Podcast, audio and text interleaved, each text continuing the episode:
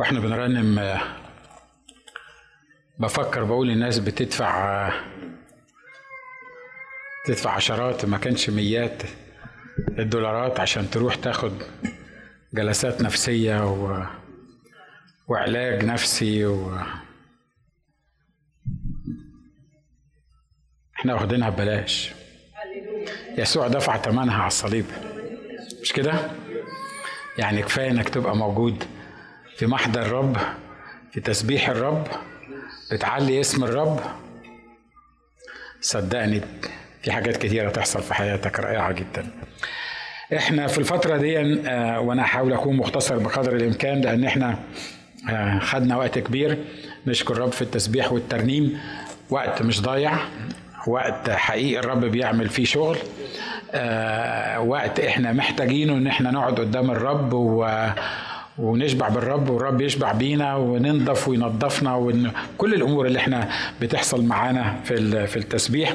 إحنا بنتكلم مع بعض عن آه، الشفاء آه، الجسدي. لو فاكرين إن إحنا ابتدينا بسلسلة اسمها let me do خليني أنا أعملها خليني أنا أعمل الحاجة في حياتك. وقلنا إن الأساس بتاع الموضوع ليت مي دو بطريقتي وفي وقتي. كلنا عايزين الحاجة تحصل بطريقتنا وفي وقتنا. And it will never happen. كل الحكاية إنك أنت let him do it. خليه هو يعمل القصة دي في طريقته بطريقته وفي وقته. واتكلمنا عن طريقة الله في شفاء الأمراض الجسدية.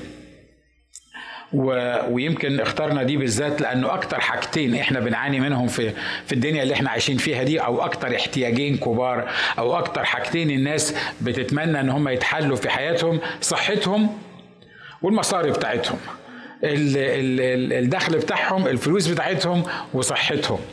وهم الح- الحاجتين دول اللي إحنا بنتكلم فيهم في السلسلة دي إزاي تخلى الله take over ياخد ال control أو يعمل هو الحاجة اللي أنت محتاجها سواء كان في صحتك أو في ال financials بتاعتك في ال ال الدخل بتاعك في الفلوس بتاعتك what الطريقة اللي الرب بيبعت لك بيها. أنا بشرح لكم بس ليه إحنا اخترنا الحاجتين دول. واتكلمنا عن الطرق البشرية في شفاء الأمراض أو طرق الغلط في شفاء الأمراض. اتكلمنا عن نعمان السرياني مش هنراجع الكلام ده تاني. موجود anyway على البث المباشر على الإنترنت تقدر ترجع له. وابتدينا نتكلم عن الطرق الإلهية في شفاء الأمراض الجسدية. وقلنا إن في بعض الطرق أول مرة نسمع عنها أو يمكن أول مرة نفكر فيها وخصوصا طريقة الشفاء بالسخونة من شركة المؤمنين أو أو أو رجل الله. فاكرين الكلام ده مش كده؟ مش هنعيده تاني لأن ما عندناش وقت. قلنا ال- الحاجة الثانية الشفاء بالظل. واتكلمنا عن بطرس لما كان بيمشي أو بولس لما كان بيمشي وكان ظله يقع على المرضى فيشفوا. واعطيتكم امثله عن ناس في حياتنا في الأيام دي في ال في في, في بداية 2000 و- 1900 وشوية إزاي كان بيحصل معاهم نفس الحكاية؟ لأن إحنا لما كنا لما بنسمع الكلام ده عن بولس وبطرس يقول ده بطرس وبولس والناس الطيبين دول والناس اللي ضحوا عشان الرب عشان كده الرب بيعمل الحكاية دي. وحتى لو ما كانش الشفاء بالظل حرفيا إنك تيجي تقف جنبي يعني وأنا الشمس كده تروح رامية آه، ظل عليك لكن وجود شخص فيه المسحه بتاعه الروح القدس. مش بقول موهبة وبس لكن بقول ب- وجود شخص فيه المسحه بالروح القدس لما تلزق فيه ظله يشفيك. حد مصدق اللي أنا بقوله ده؟ يبدو كلام يبدو, كلام يعني جاي من من كوكب آخر يمكن أول مرة تسمع الحكاية دي. لكن صدقوني ده اللي بيحصل لغاية النهارده. لما لما تلزق في واحد ممسوح بالروح القدس لما تلزق في واحد بيشع منه حرارة الروح القدس من غير ما تشعر وانت قاعد جنبه ظله يشفيك. آمين يا رب علمنا القصة دي. الشفاء بالظل بيقول حتى أنهم كانوا يحملون المرضى خارجا في الشوارع ويضعونهم على فرش واسره حتى إذا جاء بطرس يخيم ولو ظله على أحد منهم. مش عايزك تترحم على الأيام بتاعت الكنيسة الأولى. ليه؟ لأن المؤمنين الخايبين قصدها أنا في مؤمنين خايبين؟ آه مؤمنين الخايبين اللي ما بيحصلش معاهم اللي كان بيحصل في الكنيسة الأولى دايما بيترحموا على الكنيسة الأولى. دايما يقول لك ربنا يرحم الأيام الجميلة بتاعت الكنيسة الأولى اللي كان الرب فيها بيعمل كذا وبيعمل كذا وبيعمل كذا. الكتاب قال إن الأشياء التي أنا أعملها من يؤمن بي يعملها هو أيضا ويعمل إيه؟ أعظم منها. صدقني لو أنت مش عايز تصدق أنت حر. لكن أنا مصدق الكلام ده ومصدق إن حتى في الأيام الشريرة الأيام الأخيرة اللي إحنا عايشين فيها إن كل ما حدث في الكنيسة الأولى بيحصل وممكن يحصل وبنشوفه بعينينا وبنعيش فيه حتى لو ما كناش واخدين بالنا إن هو بيحصل. الحاجة اللي بعد كده قلنا الشفاء بالاغتسال بماء الكلمة. بيقول فأرسل إليه إليشا رسولا يقول اذهب واغتسل سبع مرات في الأردن فيرجع لحمك إليك وتطهر. وقال له اذهب اغتسل في بركة سلوام الذي تفسيره مرسل فمضى واغتسل. النبي في العهد القديم عمل كده والرب يسوع عمل كده. ويمكن اتأملنا في الحكاية دي وقلنا يعني انت بس تحط على عينيه طين هو راجل ماشي قدامك يعني موجود قدامك بيقول لك آه، اعمل معروف ارحمني وفتح عينيا. تحط على عينيه طين. ولما تحط على عينيه طين طب يا سيدي حطيت عليه عينيه طين. مش لازم يعني تقول له خد الطين ده اللي محطوط على عينيك وامشي لغاية بركة سلوان وانزل البركة واغتسل وعينيك تفتح. أبقى كذاب لو قلت لك أنا عارف ليه الرب قال كده كل كل الأمور اللي عشانها الرب قال كده. ومتهيألي ما حدش يعرف ابدا في الأبدية. يا سلام ده في الأبدية دي هتبقى فن بس بشكل. ده أنا بس يعني لو قعدت عند رجليه لمدة 3 مليون سنة أسأله على الخبايا بتاعت المعجزات وعملها إزاي. وقال أنا ما أعتقدش إن أنا هبقى مشغول بالمعجزات فوق لأنه لما أكون موجود في محضره هتشتغل بيه هو بس.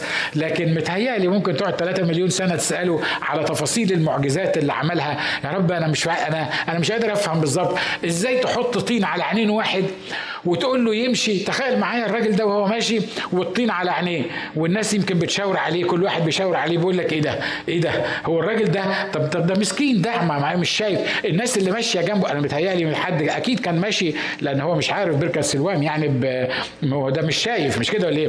لكن في حد يعني واخده كده وماشي بيه وفي السكة وهو ماشي واحد بيقول له يا أخي مش حرام عليك هو الراجل أعمى كمان ناقص تحط له طين على عينيه. فكر معايا. يعني شوف ال ال ال ال ال أنا لو شفت واحد شدينه محطوط طين على عينيه شيء الطبيعي إن أنا لازم أوبخ الناس اللي حواليه. يعني هو ناقص الراجل اعمى ملوش عينين ولا إن كانت عينيه مقفولة ولا يعني كمان حاطين طين عليه. سيبوا الراجل في حاله. أنتوا بتتريقوا عليه ولا أنتوا يعني يعني يعني أنتوا عايزين تمثلوا بيه ولا إيه اللي بيحصل بالظبط؟ واللي بره ما يعرفش إيه اللي بيحصل في حياتك وإزاي الطريقة اللي الرب عايز يشفيك بيها. لكن الوحيد اللي عارف إن ده لما لازم يمشي لغاية بركة سلمام ويروح يغتسل وبعد كده يفتح هو الراجل الأعمى ده اللي صدق واللي قبل الطريقة دي إنها تحصل. أنا ما أعرفش أنا لو منه كنت قلت له يعني لازم تفرج عليا خلقك. يعني منع عند رجليك هبوس رجليك حط ايديك على عينيا والمسها وقول لي فتح هفتح. حطيت طين على عينيا قول انده واحد قول له هات شوية مية وحطهم على عينيا هفتح. لكن تحط طين على عينيا وتقول لي روح لغاية بركة سلوام تمشيني في الشارع علشان الناس كلها تضحك عليا وتشوفني وأنا عينيا مليانة طين. يعني هي بركة سلوام هتفرق إيه عن إنك تلمس عينيا ولا تحط شوية مية دلوقتي؟ يعني يعني let me do it. My way and in my time. بطريقتي الخاصة. مرات كتيرة الطريقة بتاعت الشفاء اللي الرب بيستخدمها تبان إنها فيري ويرد مش عجبانة مش صح. ما ينفعش. الناس يقولوا عليا إيه؟ مش مهم الناس يقولوا عليك إيه المهم النتيجة النهائية إيه؟ المهم إنك أنت حتى لو كنت ماشي في وسط الناس بالطين على عينيك هترجع تقفز وتفرح وتهتف وتقول إن أنا كنت أعمى والآن إيه؟ والآن أبصر. هو ده المهم في الموضوع. وأنت ماشي في مرحلة الشفاء بتاعك الناس اللي حواليك اللي استعجبوا واللي بيقولوا إزاي تحط طين على عينين الراجل وإزاي تقول له روح انزل في الحكاية دي كلهم وأنت راجع يقول لك تصدق إن الراجل اللي إحنا شفناه وكان صعبان علينا وقلنا له إنك أنت ما ينفعش تعمل كده تصدق الراجل ده مفتح دلوقتي؟ يبقى بدل ما هي هتتعمل في حتة معينة الرب يستخدم الشفاء بتاعك في إنه يشفي الآخرين كمان من عدم إيمانهم ومن حاجات كتيرة كتيرة كتيرة كتيرة كتيرة. وزي ما بقول لك الأبدية مش هتكفي إن إحنا نعرف الأساليب اللي الرب عملها في الموضوع ده. حاجة بعد كده بيقول اذهب أري نفسك للكاهن. الاعتراف بالواقع بالمرض. آه ال ال الجماعة الأمريكان أو حتى علمونا في الكليات كده يعني. لازم تبقى very open مع ال patient لازم تقول لل patient عنده إيه؟ طبعا إحنا في بلادنا غير كده. يبقى الراجل جاي لك عنده سرطان فاضل له أسبوع ويموت. وتقول له لا انت كويس. عشان خايف لحسن يطلع من عندك قول ده دكتور فقري. يعني اول ما شافني كده في وشي كده طصها وقال لي عندك سرطان. فهنا بيطصها صحيح بس بيفوقك وبيخليك تعمل يعني المطلوب. وليجلي لازم هو هو يعمل كده. لكن مرات كتيرة إحنا لأن اتعودنا على طريقة إن إحنا نخبي كل حاجة وفي ناس زي ما قلت مرات كتيرة كل حاجة عندهم أسرار عسكرية. أي حاجة تحصل في حياتهم اسرار عسكريه أنا مش بقول لك روح اتبرع بكل اللي عندك لأن في ناس رطاطه كمان إن كان يعني يعني كل حاجة تيجي تقعد تحكي لي مش عارف مين وبتاع وحاجات من كده ولا مال أنا ومال اللي, حصل معاك واللي بيحصل معاك. آه لو أنت عايز ت يعني تشاركني آه لمصلحتك مفيش مشاكل. لكن أنا بتكلم عن إحنا إحنا كده العرب. يا إما يعني عندنا آه دايرية في الكلام يعني بنقول أي كلام بأي شكل بأي طريقة بيخش عندك البيت يسألك يقول لك أنت عملت كام الشهر ده؟ أو أو الشقه بتاعتك دي بتدفع فيها قد إيه؟ ودفعت كام في الكهرباء؟ وناقص يحط إيده في جيوبك ويعد لك قابلته حد بالمنظر ده؟ جماعتنا يعني ما قابلتهم غصب عنك لأنه ده الكالتشر النص كم اللي إحنا عايشين فيه اني anyway. الناحية الثانية ممكن الواحد يبقى عنده أسرار عسكرية بما فيها إنه لو عنده إنفلونزا لازم يخبي الموضوع ده إيه لحسن الناس تعرف إن هو عنده إنفلونزا تلاقي الشخص بطل يجي الكنيسة لمدة ثلاث شهور وبعدين تسأل عليه يقول لك لا كل شيء تمام نشكر الرب كل شيء تمام نشكر الرب وبعدين بعد ثلاث شهور تسأله هو أنت ما جيتش الكنيسة ليه؟ يقول لك هو أنت ما تعرفش إن أنا كان عندي إنفلونزا الخنازير؟ أنا بقول لكم عن حالات حالات حقيقية حصلت يعني. واحدة واحدة حبيبتنا جت مرة وأنا قاعد كده بعد الخدمة كنت تعبان وبعدين راحت قاعدة كده حطت وشها في وشي وبعدين قالت لي أنت ما خدتش بالك إن أنا الثلاث أسابيع اللي فاتوا ما جوش ما جيتش؟ قلت لها آه أنا خدت بالي إن أنت ما جيتيش.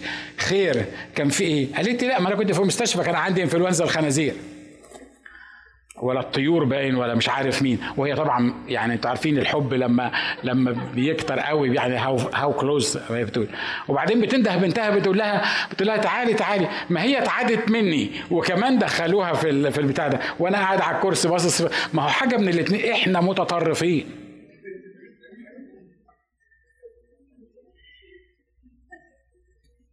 صح اللي أنا بقوله ده؟ ها؟ وعظة دي؟ في حد يوعظ بالمنظر ده؟ تعودتوا بقى أمركم لله. اذهب أري نفسك لإيه؟ الله. طب ما أنت الله.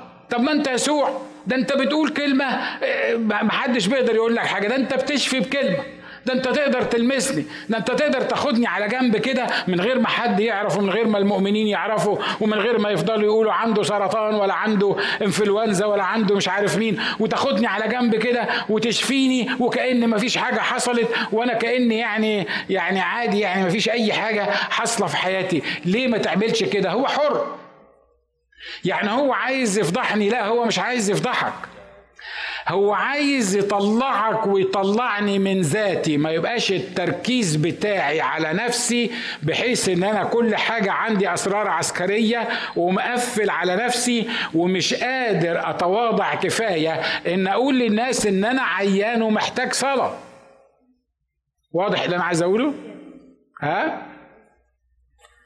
فمرات كتيرة مرات كتيرة هو بيسمح وهو بيقول روح وري نفسك للكاهن. روح انت إنت ابرص انت إنت عندك مرض معين روح اتكلم مع الليدر بتاعك اتكلم مع الأسيس بتاعك اتكلم مع الأخ المسؤول عنك اتكلم مع ناس مؤمنين حقيقيين.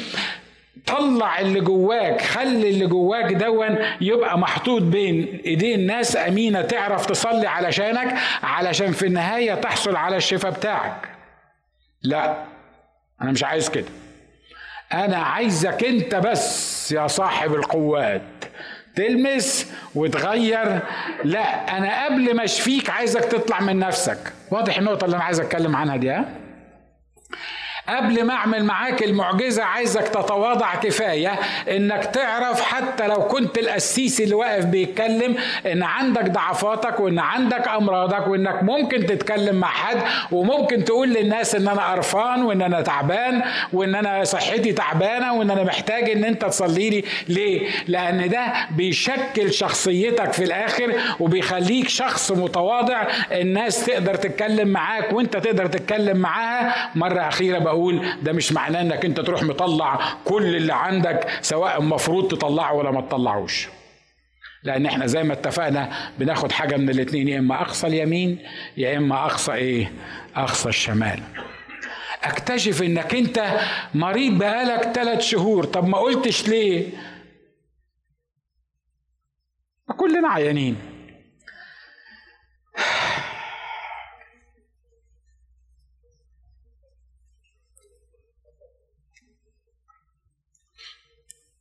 في يوم من الأيام كان معايا خادم في مكان ما وما تقعدش تطلع دماغك بعيد يعني.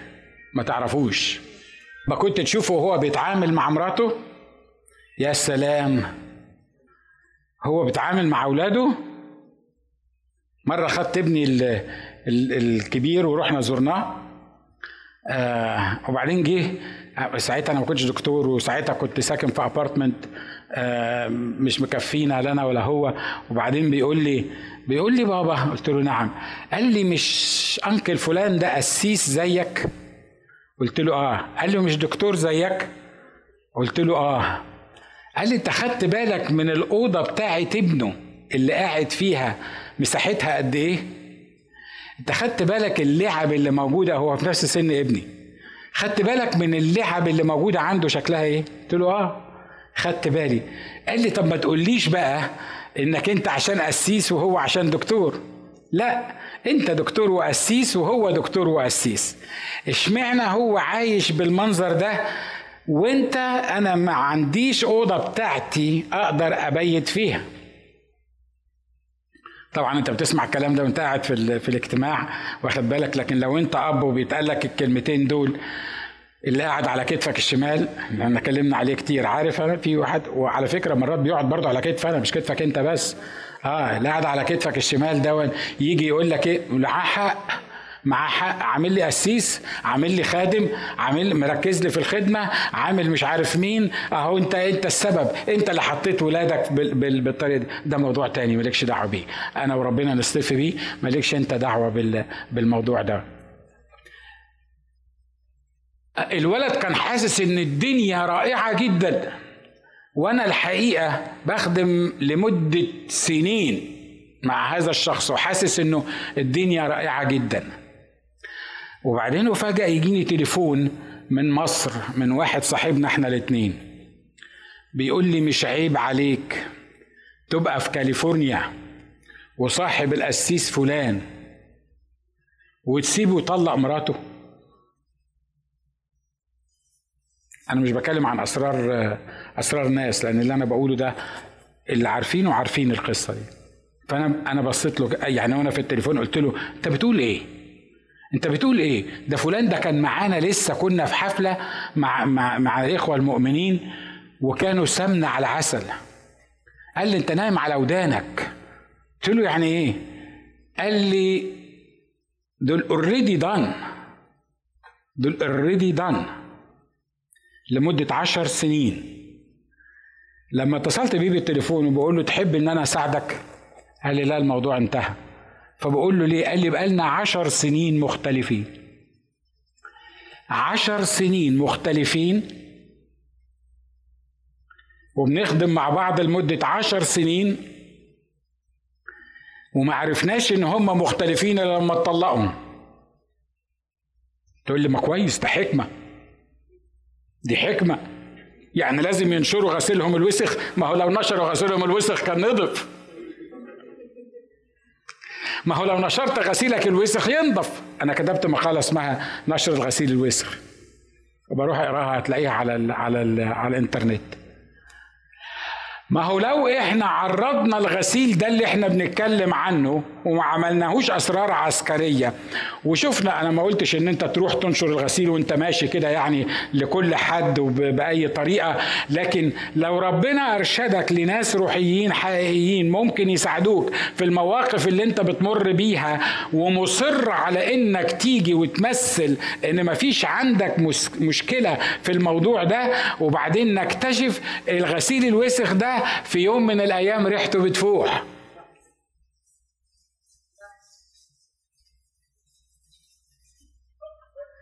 بيقول لك يعمل إيه؟ اذهب اري نفسك لإيه؟ للكاهن. أقول له إيه الكاهن؟ طب أنا الكاهن طب ما هو الكاهن عارف إن أنا أبرص. طب ما هو شكل أبرص. هو أنا محتاج أروح لل... للكاهن أوري نفسي. أقول له إيه؟ أقول له اتفرج اتفرج عليا. أنا أبرص. طب ما أنا أبرص. يعني يعني يعني الجديد. أنا أبرص. أنا جاي لك عشان تشفيني. ما أنا هشفيك. الله طب ما تشفيني. لا تروح توري نفسك للكاهن. أوري نفسي للكاهن ليه؟ ما أنا لسه أبرص. ما ينفعش إن أنا أروح. عارفين العشرة البرص؟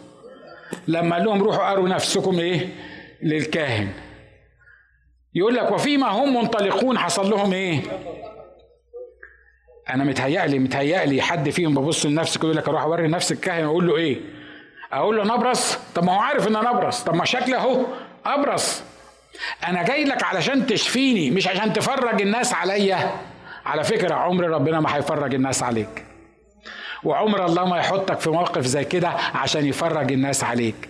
لكن الله عايزك وعايزني نطلع من نفسنا. نطلع من الأسرار العسكرية اللي إحنا عايشين فيها.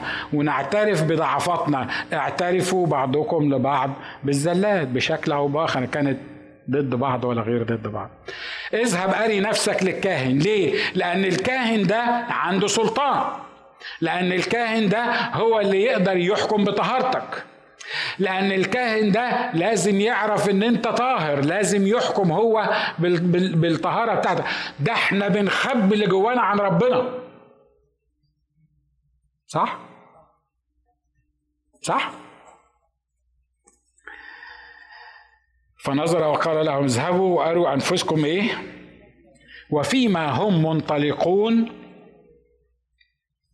عايز أقول لك حاجة لما تنفذ اللي الرب يقول لك عليه صدقوني أمام الرب مرات كتيرة اللي مانع الشفاء بتاعنا إن إحنا ما بنعملش اللي الرب بيقول عليه. صح؟ ببساطة ببساطة ما بنعملش اللي الرب بيقول عليه. قال لكم قصة حصلت معايا أنا. قصة فاني شوية. يمكن حكيتها لكم قبل كده. أكيد. ما أنا كل القصص أنتوا سمعتوها 30 مرة. لما كان كان عندي مشكلة إن إفراز الغدة بتاعتي كانت عالية. وحاولوا يعالجوها الحقيقة ما عرفوش يعالجوها. في الآخر خالص الدكتور قال لي أنت لازم تاخد البرشامة المشعة. البرشامه المشعة دي تموت لك جزء من الخلايا ومش عارف تعرف القصة دي يعني. هي ما فيهاش خطورة كتير بس لازم تتحبس لوحدك لمدة ثلاثة أيام وما تشوفش حد علشان أنت بتطلع إشعاع فالإشعاع ما يضرش الصغيرين ولا الكبار. وطبعا والإشعاع اللي طالع دون بيموت لك الغدة ربنا يستر ما موتلكش حاجة في دماغك. حاجات كده يعني هي العملية مش ببساطة بالمنظر ده. وأنا بصراحة متضايق وحاسس انه أنا عمال أصلي لك وعمال أقول لك عمال أصلي لك. وطبعا أنتوا عارفين الغدة دي لما الإفراز بتاعها بيزيد لمدة طويلة بيخلي البالانس بتاع السكر مش مظبوط فيبقى شكلك عندك سكر. وبعدين مش عارف يعني في حاجات كتيرة كده مترتبة على حكاية الإيه؟ على حكاية الغدة دي. وبعدين حاولوا حاولوا حاولوا حاولوا. في الآخر خالص قالوا لي تيجي الأسبوع اللي جاي ندي لك البرشامة دي لازم تاخدها مفيش مجال. الدكتور قبلها بأسبوع قال لي أقول لك حاجة عبيت ما تيجي هعمل لك تحليل أخير وبعد كده الأسبوع الجاي تيجي تاخد القصة. قلت له طيب. فأنا قاعد في الريسبشن بتاع الدكتور وبصلي. بقول له يا رب مش أنا حبيبك مش أنا خدامك ما يعني إشفيني. لقيت الرب بيقول لي حاجة عجيبة جدا. وأنا قاعد كده قال لي أشفيك من اللي ما تقدرش تشفي نفسك منه. وأنا أقدر أشفي نفسي من حاجة. أنا أقدر أشفي نفسي حد فيكم يقدر يشفي نفسه من حاجة؟ ما هو ما أنت رحت للدكاترة والدكاترة عملوا فيك البدع نشكر الله من أجلهم وما شفتش. فقلت له يا رب وأنا أقدر أشفي نفسي من حاجة؟ قال لي اسمع أنت عندك غدة؟ عالية دي ما تقدرش تشفي نفسك منها.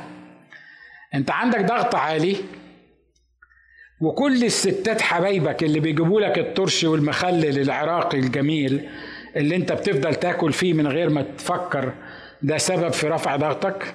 عارفين طبعا أنا بتكلم عن إيه؟ في ناس كل شوية بتتحفني كده ببطرمان بتاع ده. آه مراتي زعلانة منكم قوي باي الحاجة التالتة السكر تقدر تشفي نفسك منه. قلت له ده السكر ده ما أقدرش أشفي نفسي منه. قال لي لا السكر تقدر تشفي نفسك منه. هو في حد بيقدر يشفي نفسه من السكر؟ آه لما تاكل كتير وتاكل حاجات حلوة كتير وتاكل زي ما أنا كنت باكل غورو غورو زي ما بيقولوا آه يعني لازم يجي لك سكر. مش كده ولا إيه؟ أول مرة أكتشف إن أنا ممكن أقدر أشفي نفسي كنت أول مرة أكتشف إن أنا أقدر أشفي نفسي. عايز أقول لك حاجة يمكن يكون معظم الأمراض اللي عندك أنت تقدر تشفي نفسك منها. لكن أنت مستني معجزة. مستني ربنا يعمل معاك معجزة من فوق. أنت مش محتاج معجزة. واللي تقدر تشفي نفسك منه ما يشفكش ربنا منه. ممكن تقول الحقيقة دي اللي جنبك كده اللي تشفي نفسك تقدر تشفي نفسك منه ربنا مش هيشفيك منه.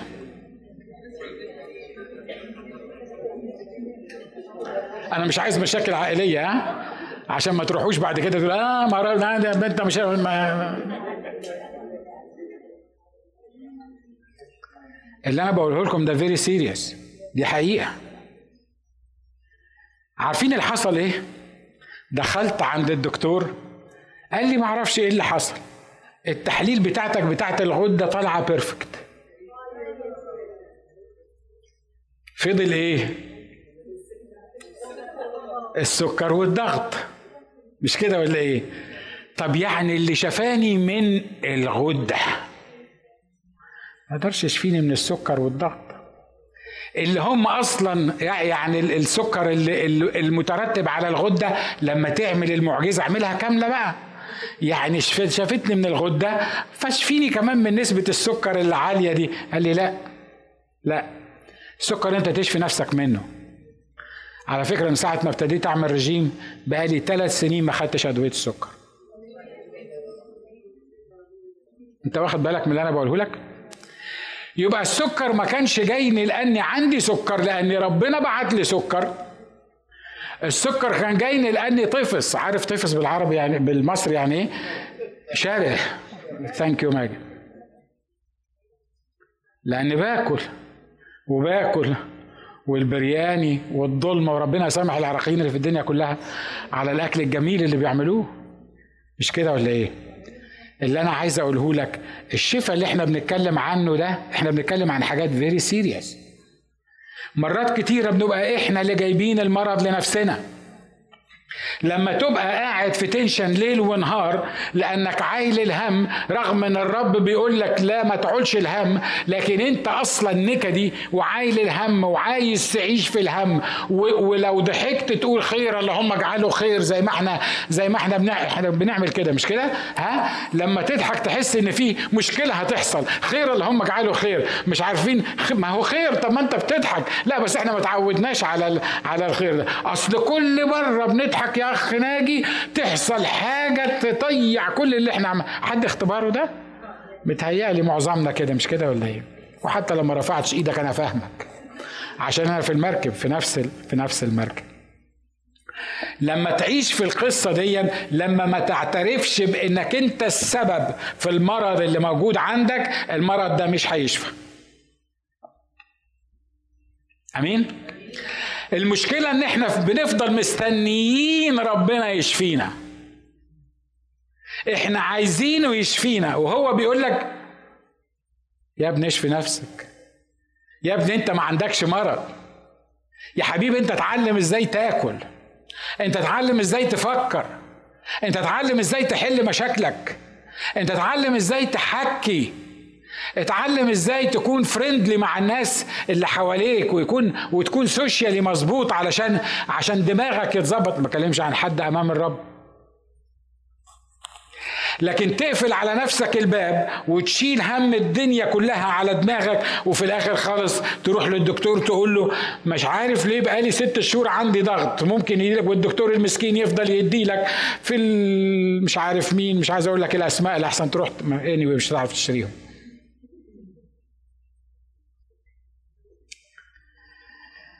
أنا قربت أخلص. الطرق الإلهية في شفاء الأمراض الجسدية الإيمان فقط. بقول فسمع يسوع وأجابه لا تخف آمن فقط فهي تشفى. على فكرة تشفى دي مش في المكان بتاعها حسب رؤيتنا إحنا لأن البنت دي كانت ماتت. البنت اللي بيتكلم عنها دي ابنة يايروس دي كانت إيه؟ كانت ماتت. ماتت. ماتت. مش عيانة هيشفيها دي كانت ماتت. المشكلة عندنا إن إحنا متخيلين إن الإيمان هو كل شيء في الشفاء. والحقيقة دي مش غلطة الناس المريضة دي غلطة الخدام اللي بيصلوا لهم. ليه؟ لأن معظم الخدام لو صلى لك وما شفتش لازم يلبسك تهمة. معرفش قلت الكلام ده قبل كده ولا لا بس ما نقوله تاني مفيش مشاكل. لازم يلبسك ان انت ما كانش عندك ايمان. وانت ايمانك ضعيف. ولو عندك ايمان ما كانش حصل معاك الحكاية دي. ولو عندك ايمان كان ممكن خفيت بسهولة. اهو الكتاب بيقول آمن فقط. كل المطلوب في الموضوع ده إيمان. أنا عايز أقول لك حاجة.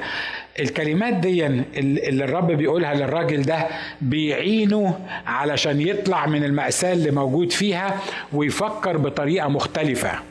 ليه؟ لأن الإيمان ده الإيمان ده يعني ما هياش حاجة يعني يعني أمن فقط زود إيمانك تقدر تزود إيمانك. ده موضوع تاني نتكلم فيه بعدين. الراجل بنته ماتت. أنتوا كلكم عارفين القصة. هو جاي بيقول له بنتي بتموت. ممكن تيجي تشفيها؟ حاضر هاجي معاك. وهو ماشي واحدة ست الله يسامحها. الله يسامحها. كان عندها نزف منذ اثنة عشر سنة حبكت معاها. عندها 12 سنة عيانة. ما تعرفش طلعت لي من تحت الأرض. أنا بتكلم عنك وعني لما مرات كتيرة. يعني مش بتكلم على الست المسكينة دي. ما أعرفش إزاي. كان ربنا هيعمل الحكاية دي وواحد طلع لي من تحت الأرض مش عارف عمل إيه. كانت الأمور هتتحل وبعدين واحد طلع لي مش عارف منين قال كلمتين مش عارف بوظ لي البيعه بوظ لي whatever الشقة ولا whatever مش عارف طلع منين. يعني طلع من تحت الأرض كده. هو ده طلع من تحت الأرض برضه. الست دي طلعت من تحت الأرض بقى لها 12 سنة عيانة دلوقتي في اللحظة دي. والبنت عيانة وهو عمال يقول له تعالى معايا يقول له طيب أنا رايح معاك وبعدين طلعت الست دي قالت لو مسست ولو هد بثوبه شفيت. وكأن يسوع مش واخد باله إن في واحد جنبه ابنه ولا بنته بتموت وعايزة لمسة من عنده. فضل واقف. من لمسني؟ وبطرس يقول له الجمع يزحمك وأنت تقول من لمسني. وبعدين أنا متهيأ الراجل اللي واقف جنبه ده اللي عايزه عشان يروح عشان بنت البنت بتموت.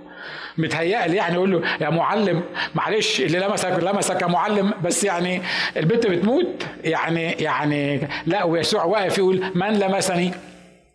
مش هتحرك من إنجاز التعبير يعني مش هتحرك من هنا إلا لما أشوف من لمسني. يا رب في واحد قاعد على أعصابه لأن بنته بتموت فتحرك عشان عشان تحل له المشكلة دي مش مرات تحس إن أنت عمال تصلي وكأن ربنا مش سامع. انت بتصلي وهو بيشفي اللي جنبك. حصلت معاك؟ انت اللي بتطلب وانت المتمسك وانت اللي بتحاول. وبعدين يقف واحد يقول لك لما القسيس صلى لي وحط ايده على ظهري أنا خلاص كل حاجة راحت وانت قاعد. نعم. أنا بقالي ثلاث سنين بصلي وانت في منتهى البساطة كده القسيس لمسك خلاص خفيت. جميل الكتاب ده مش كده؟ ها جميل.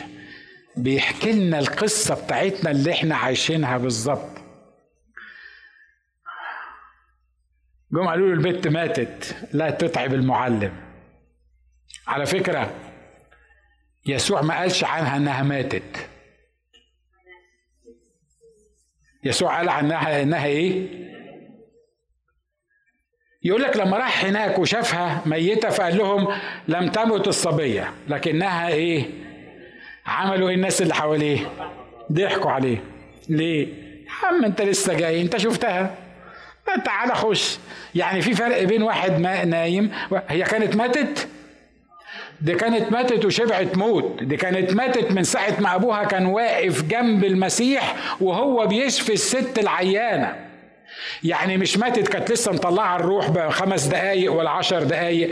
دي ماتت ويسوع واقف عمال يقول من لمسني وبعدين جات الست وبعدين قال لها إيه إيه اللي حصل معاكي؟ حاجة تجن مش كده ولا إيه؟ طب أنت كنت مصر تعرف مين لمسك؟ أهي الست اللي لمستك أهي. خلاص عرفنا الست اللي لمستك. لا أنا عايز أعرف اختبارك. إيه, إيه اللي حصل معاكي؟ والست جت قالت له كان بقى لي 12 سنة عندي نصف دم ورحت لده أطباء كثيرين وأنتوا عارفين الستات ممكن في بعضهم مش كلهم لما بيحكوا التفاصيل ممكن يعني يعني دي دي بتفرق بين الرجالة والستات مش كده؟ لو مش مصدقني اسأل كده مراتك كلها أختك قالت لك إيه؟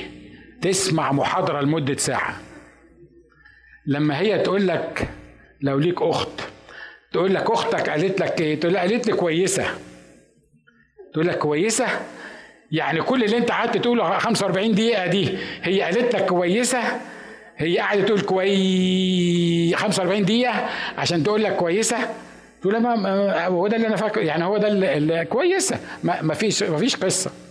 فتخيل معايا الست دي واقفة بتحكي للرب عن الأطباء الكثيرين اللي راحت وكل فلوسها وتوزعت وحاجات من كده. والواد قالوا له اسمع ريح المعلم ماتت.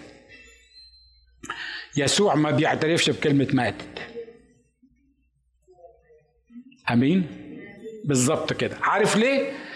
لأنه حتى لو مات هيقومه. عنده سلطان على الحكاية دي. لو إبليس جه في مرة وقال لك ماتت قول له ما بصدقكش. لأن عند يسوع ما فيش حاجة بتموت. آمين؟ أنا بتكلم عن اللي في حياتك. أنا بتكلم عن الحاجة اللي محتاج إن ربنا يغيرها فيك. أنا بتكلم عن الحاجة اللي أنت بتصلي لها. أنا بتكلم عن الحاجة اللي العدو بيقول لك لا تتعب المعلم. خلاص. هيروح يسوع ياخد المشوار ده على الفاضي؟ مش معقولة. هتخلي يسوع يروح معاك. البنت ماتت. لو كانت مريضة كان يقدر يشفيها. مش عجيب إن إحنا مرات نوصل لمرحلة معينة نحس إنه لو كان اتدخل كانت الأمور هتحصل. لكن في اللحظة دي خلاص الموضوع انتهى. الموضوع مات. عايز أقول لك إن يسوع ما عندوش موت. لأن يسوع هو رب الحياة.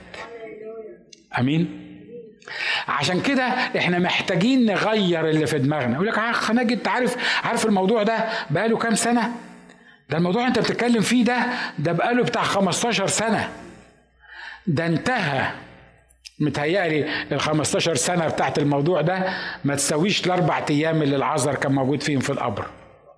مش كده ولا إيه؟ أربع أيام واحد أربع أيام في القبر. أربع أيام في القبر. ده أخته قالت له يا سيد حصل له إيه؟ أنت يعني يعني بلاش الفضايح. يعني يعني يعني ريحته طلعت ريحته طلعت. عايز أقول لك لو عندك حاجة ماتت وريحتها طلعت عند المسيح ما فيش حاجة بتموت. آمين؟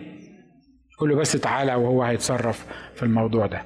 عشان كده مهم جدا إن إحنا نغير طريقة تفكيرنا في الأمور اللي زي دي. ممكن آخد كمان خمس دقايق؟ سبعة. الإيمان يا إخوة أخوات مهم جدا بس مش كل حاجة في الشفاء. قال له تشفيني؟ تقدر تشفيني؟ قال له لو كنت تؤمن أشفيك. قال له أعمل إيه؟ قال له أؤمن فأعن. مش ضعف إيماني مش قلة إيماني.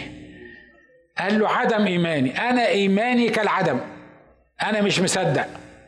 وعلى فكرة يعني لما الرب بشر إبراهيم وسارة آه الاثنين بشرهم بنفس ال ال ال إن هيجيبوا ولد.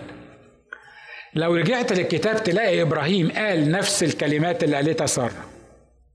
سارة قالت أبعد فنائي يكون لي تنعم وسيدي قد شاخ. إبراهيم قال إيه؟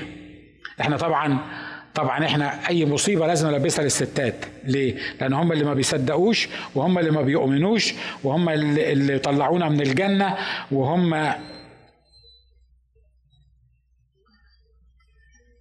عارف إبراهيم لما الرب قال له قال إيه؟ الرب قال إيه؟ لإبراهيم قال قال أيولد ابن ل... أيولد ولد لابن مائة سنة؟ إبراهيم بيقول كده لما بيقول له بيقول له يعني نحو هذا الزمان هاجي لك. إبراهيم قال هيتولد ولد لواحد عنده مئة سنة؟ الله. طب ما هما الاثنين ما كانش عندهم إيمان يظهر ولا إيه؟ هما الاثنين أمال ليه إحنا عملنا من إبراهيم البطل الكبير وسارة دي هي اللي ربنا قال لها؟ لا لا لا. عايز أقول لك حاجة. لو جيت للرب وقلت له أنا ما عنديش إيمان إن الموضوع ده يحصل لو جيت للرب وفتحت اللي جواك مش هيقول لك طب اضرب دماغك في الحيط بقى. ما عندكش إيمان؟ تستاهل. مش هشفيك إلا لما يبقى عندك إيمان. النقطة دي أنا بتكلم وبركز فيها كتير ليه؟ لأن بتعقد ناس كتيرة من اللي عندهم أمراض. لأن بيحاول يعيش في عقدة الذنب وبيلوم نفسه وبيحسس نفسه. عشان ما عندكش إيمان ربنا ما شافكش. في عشرين سبب يكون ربنا لسه ما شافكش عشانه. مش بس إن عندك إيمان ولا ما عندكش إيمان. وأنا بقول للناس اللي بيصلوا للناس يا ريت ما تحطش حمل تقيل على كتاف الناس اللي بتصلي لهم. ولما ربنا ما يستجيب لكش بالطريقة أو في الوقت اللي أنت عايزه بأنه يشفي الشخص ده تحاول تبرأ نفسك من القضية وتلبسها للراجل المسكين أو الأخت المسكينة اللي قدامك وتفهمه إن عشان ما عندكش إيمان. حد موافق على اللي أنا بقوله ده؟ ولو مش موافق على الكلام ده بقى قابلني بره. يعني هنحكي مع بعض ونتناقش مع في الموضوع ده. ليه؟ لأن في ناس قبلت المرض، في ناس قبلت الضعف اللي هي فيه، في ناس قبلت المشكلة اللي هي فيها، ليه؟ لأن أقنعوها إنك ما عندكيش إيمان، والمسكين مش عارف يعمل إيه عشان إيمانه يزيد يعني. هو ما هو الإيمان ده لو بيتباع في وول مارت كان ممكن رحنا اشتريناه. إزازة إيمان شربناها الإيمان بتاعنا طلع شوية. يمكن ربنا يرضى عننا لما نجيب إزازة الإيمان دي ونشربها. ربنا يرضى عننا ويشفينا أو يعمل الحاجة بس ما بتتباعش في وول مارت ولا في كي مارت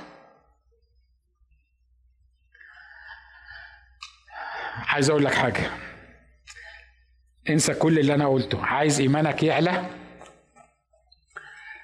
سجل كلام الكتاب اللي بيتكلم عن حالات الشفاء.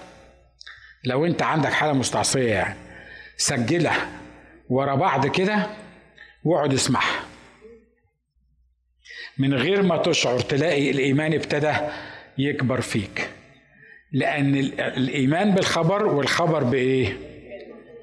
اوعى تقعد جنب الحيطة وتلوم نفسك إن ما عندكش إيمان. دي فكرة شيطانية علشان يعمل لك اكتئاب وعلشان ما يشفكش.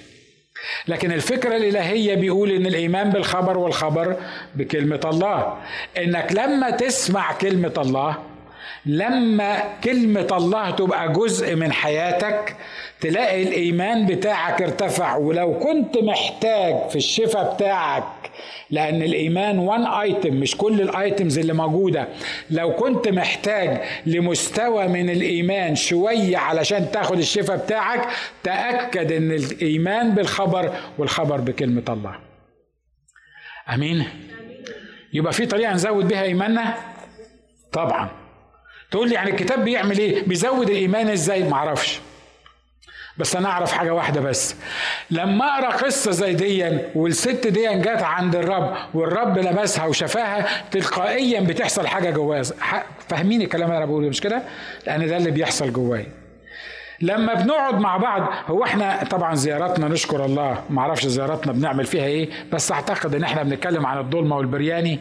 وعملتيها إزاي يا أختي والبتاع الحاجات دي أكتر من من الكلام عن عن كلمة الله. لكن لما بنتكلم عن الاختبارات وعن كلمة الله وعلى فكرة أنا مش بستشيخ يعني مش مش بعمل ريليجيوس بقى. يعني أنت تيجي تزورني أوعى تفتح بقك ولا تقول لي أي حاجة غير إنك تحكي لي اختبارات وأحكي لك اختبارات. ما بيحصلش ومش هيحصل حتى معايا أنا. ها؟ عشان تبقى شخصية متكاملة عشان ما تعيش في عالم الريليجيوس اللي إحنا بنتكلم عنه. لكن لكن لما تقعد وتكلم إخواتك عن الاختبارات اللي حصلت معاهم. أنا عندي اختبارات قد كده. ومتهيألي أنتوا على مدار السنين سمعتوها لما طلعت من ودانكم صح؟ عارف الاختبارات اللي أنا بحكيها دي؟ صدقني أمام الرب. أنا بقصد لما يجي واحد فاشل عندي في البيت لما يجي قسيس أقول له إزيك؟ يقول لي نشكر الله. الخدمة صعبة يا أخونا. أروح حاطه في الكورنر وأفضل أقول له أنك عملت كذا غلط وربنا مش عارف عمل معايا إيه. أنا كنت محتاج الحاجة الفلانية وربنا عمل معايا إيه.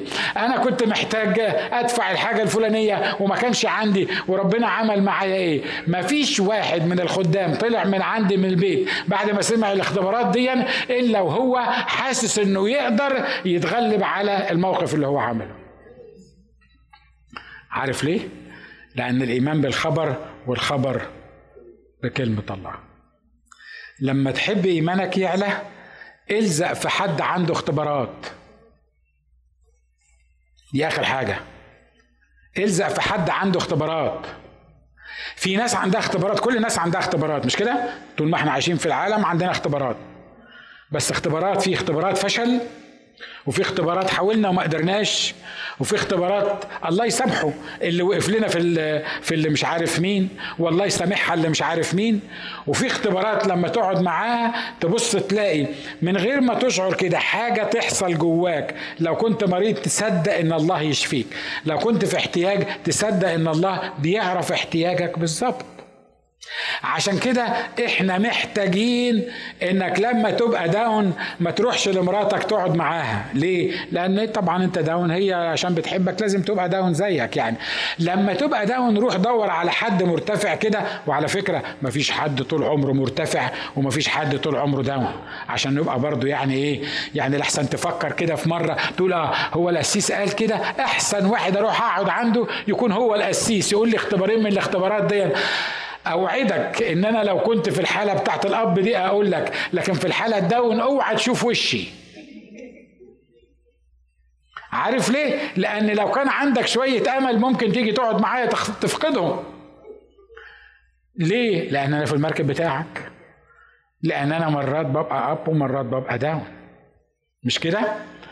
أقول لكم على السر أنا بعمله لما أحس مرات كتيرة بالفشل. أنا عندي الكتاب الإنجليزي اللي أنا كتبته اللي فيه معظم الاختبارات دي. بعمل إيه بقى؟ أول ما ألاقي نفسي فشلان أغمض عينيا وأفتح الكتاب ده. أي صفحة في الكتاب فيها اختبار أنا حكيته عن الموضوع ده. بمجرد ما أعمل كده ألاقي نفسي ابتديت ابكي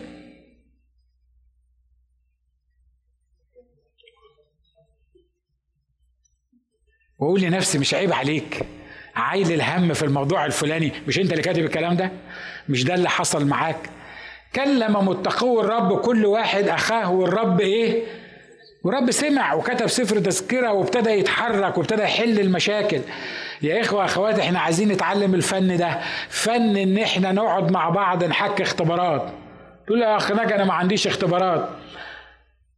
عندك. عندك. ولو ما عندكش ربنا يدخلك في المصايب اللي أنا دخلت فيها علشان لما تطلع منها يكون عندك اختبارات. في قسيس يقول كده على المنبر رب أصل الاختبارات دي ما بتجيش وإحنا في السرير. الاختبارات دي ما بتجيش وإنت قاعد مستريح كده وبتشرب القهوة وتقول يا سلام على الاختبار ده. جبت تستر تشويس كان جميل. شفت الاختبار الرائع ده اختبار البسكوتة. عارفين اختبار البسكوتة اللي إحنا بنقوله؟ حطيت البسكوتة يا إخوة دابت في البتاع ده فطلعتها بالمعلقة مجدا للرب اختبار. بأمانة في ناس بت... ناس بتفكر بالمنظر ده. رحت أصلي مع واحد بصلي مع واحد بيقول له يا رب إحنا عايزينك تدينا حياة حياة سعيدة قوي يا رب. ما فيهاش تراب. كان بيتكلم في مصر كمان يا ريته كان بيتكلم في أمريكا. ما فيهاش تراب وما فيهاش تليفونات بتتقطع ولا كهرباء بتتقطع. كان حيلي على شوية أعمل له اختبار. واضح يا إخوة أخواتي اللي أنا بقوله؟ ها؟ حصيلة حياتي مع المسيح هي حصيلة اختباراتي اللي أنا بعيش فيها. واللي بفكر نفسي فيها لما يجي العدو يقول لي مش ممكن أقول له لا ممكن. يقول لي لا مش ممكن أقول له لا ممكن. لا مش ممكن. أقول له ممكن لأنه حصل معايا. ممكن لأنه حصل مع فلان. ممكن لأنه حصل مع فلان. وده اللي الكتاب بيحاول يعمله في حياتنا. بتمنى إنك ما تحتاجش لدكتور ابدا. ابدا. لكن عايز أقول لك إن في دكتور حقيقي موجود فوق. إحنا محتاجين نعالج ده الأول. ومحتاجين نعالج ده الأول وبعدين ده هيتعالج anyway. واضح اللي أنا عايز أقوله؟ مرة تانية أقولها لك وتصلي بعد كده. إحنا محتاجين نعالج ده. المشكلة مرات كتيرة مش هنا. المشكلة هنا. المشكلة مرات كتيرة مش هنا. المشكلة هنا. إحنا محتاجين نروح نقعد مع الدكتور ده ونقول له عالجني يغير هنا ويغير هنا وهتبص تلاقي ده بقي حاجة مختلفة. خلينا نحن رؤوسنا ونصلي مع بعض. قول يا رب أنا بشكرك لأنك أنت الملجأ ليا. أشكرك لأنك أنت بتعالجني نفسا وروحا وجسدا. أشكرك لأنك أنت عارف السبب. أنت عارف. أنت عارف المرض. أنت عارف. وانت الوحيد اللي تقدر تتحرك وانت الوحيد اللي تقدر تمد إيدك. أشكرك يا رب لأن الموضوع مش متوقف عليا ولا على إيماني. لو كان الموضوع متوقف عليا كانت هتبقى مشكلة كبيرة جدا. لكن أنا بستسلم ليك. وبسألك إنك تلمسني. لمسة من عندك بالروح القدس. وتفتح عينيا وتفهمني أنا محتاج إيه اللي ممكن يتغير في حياتي.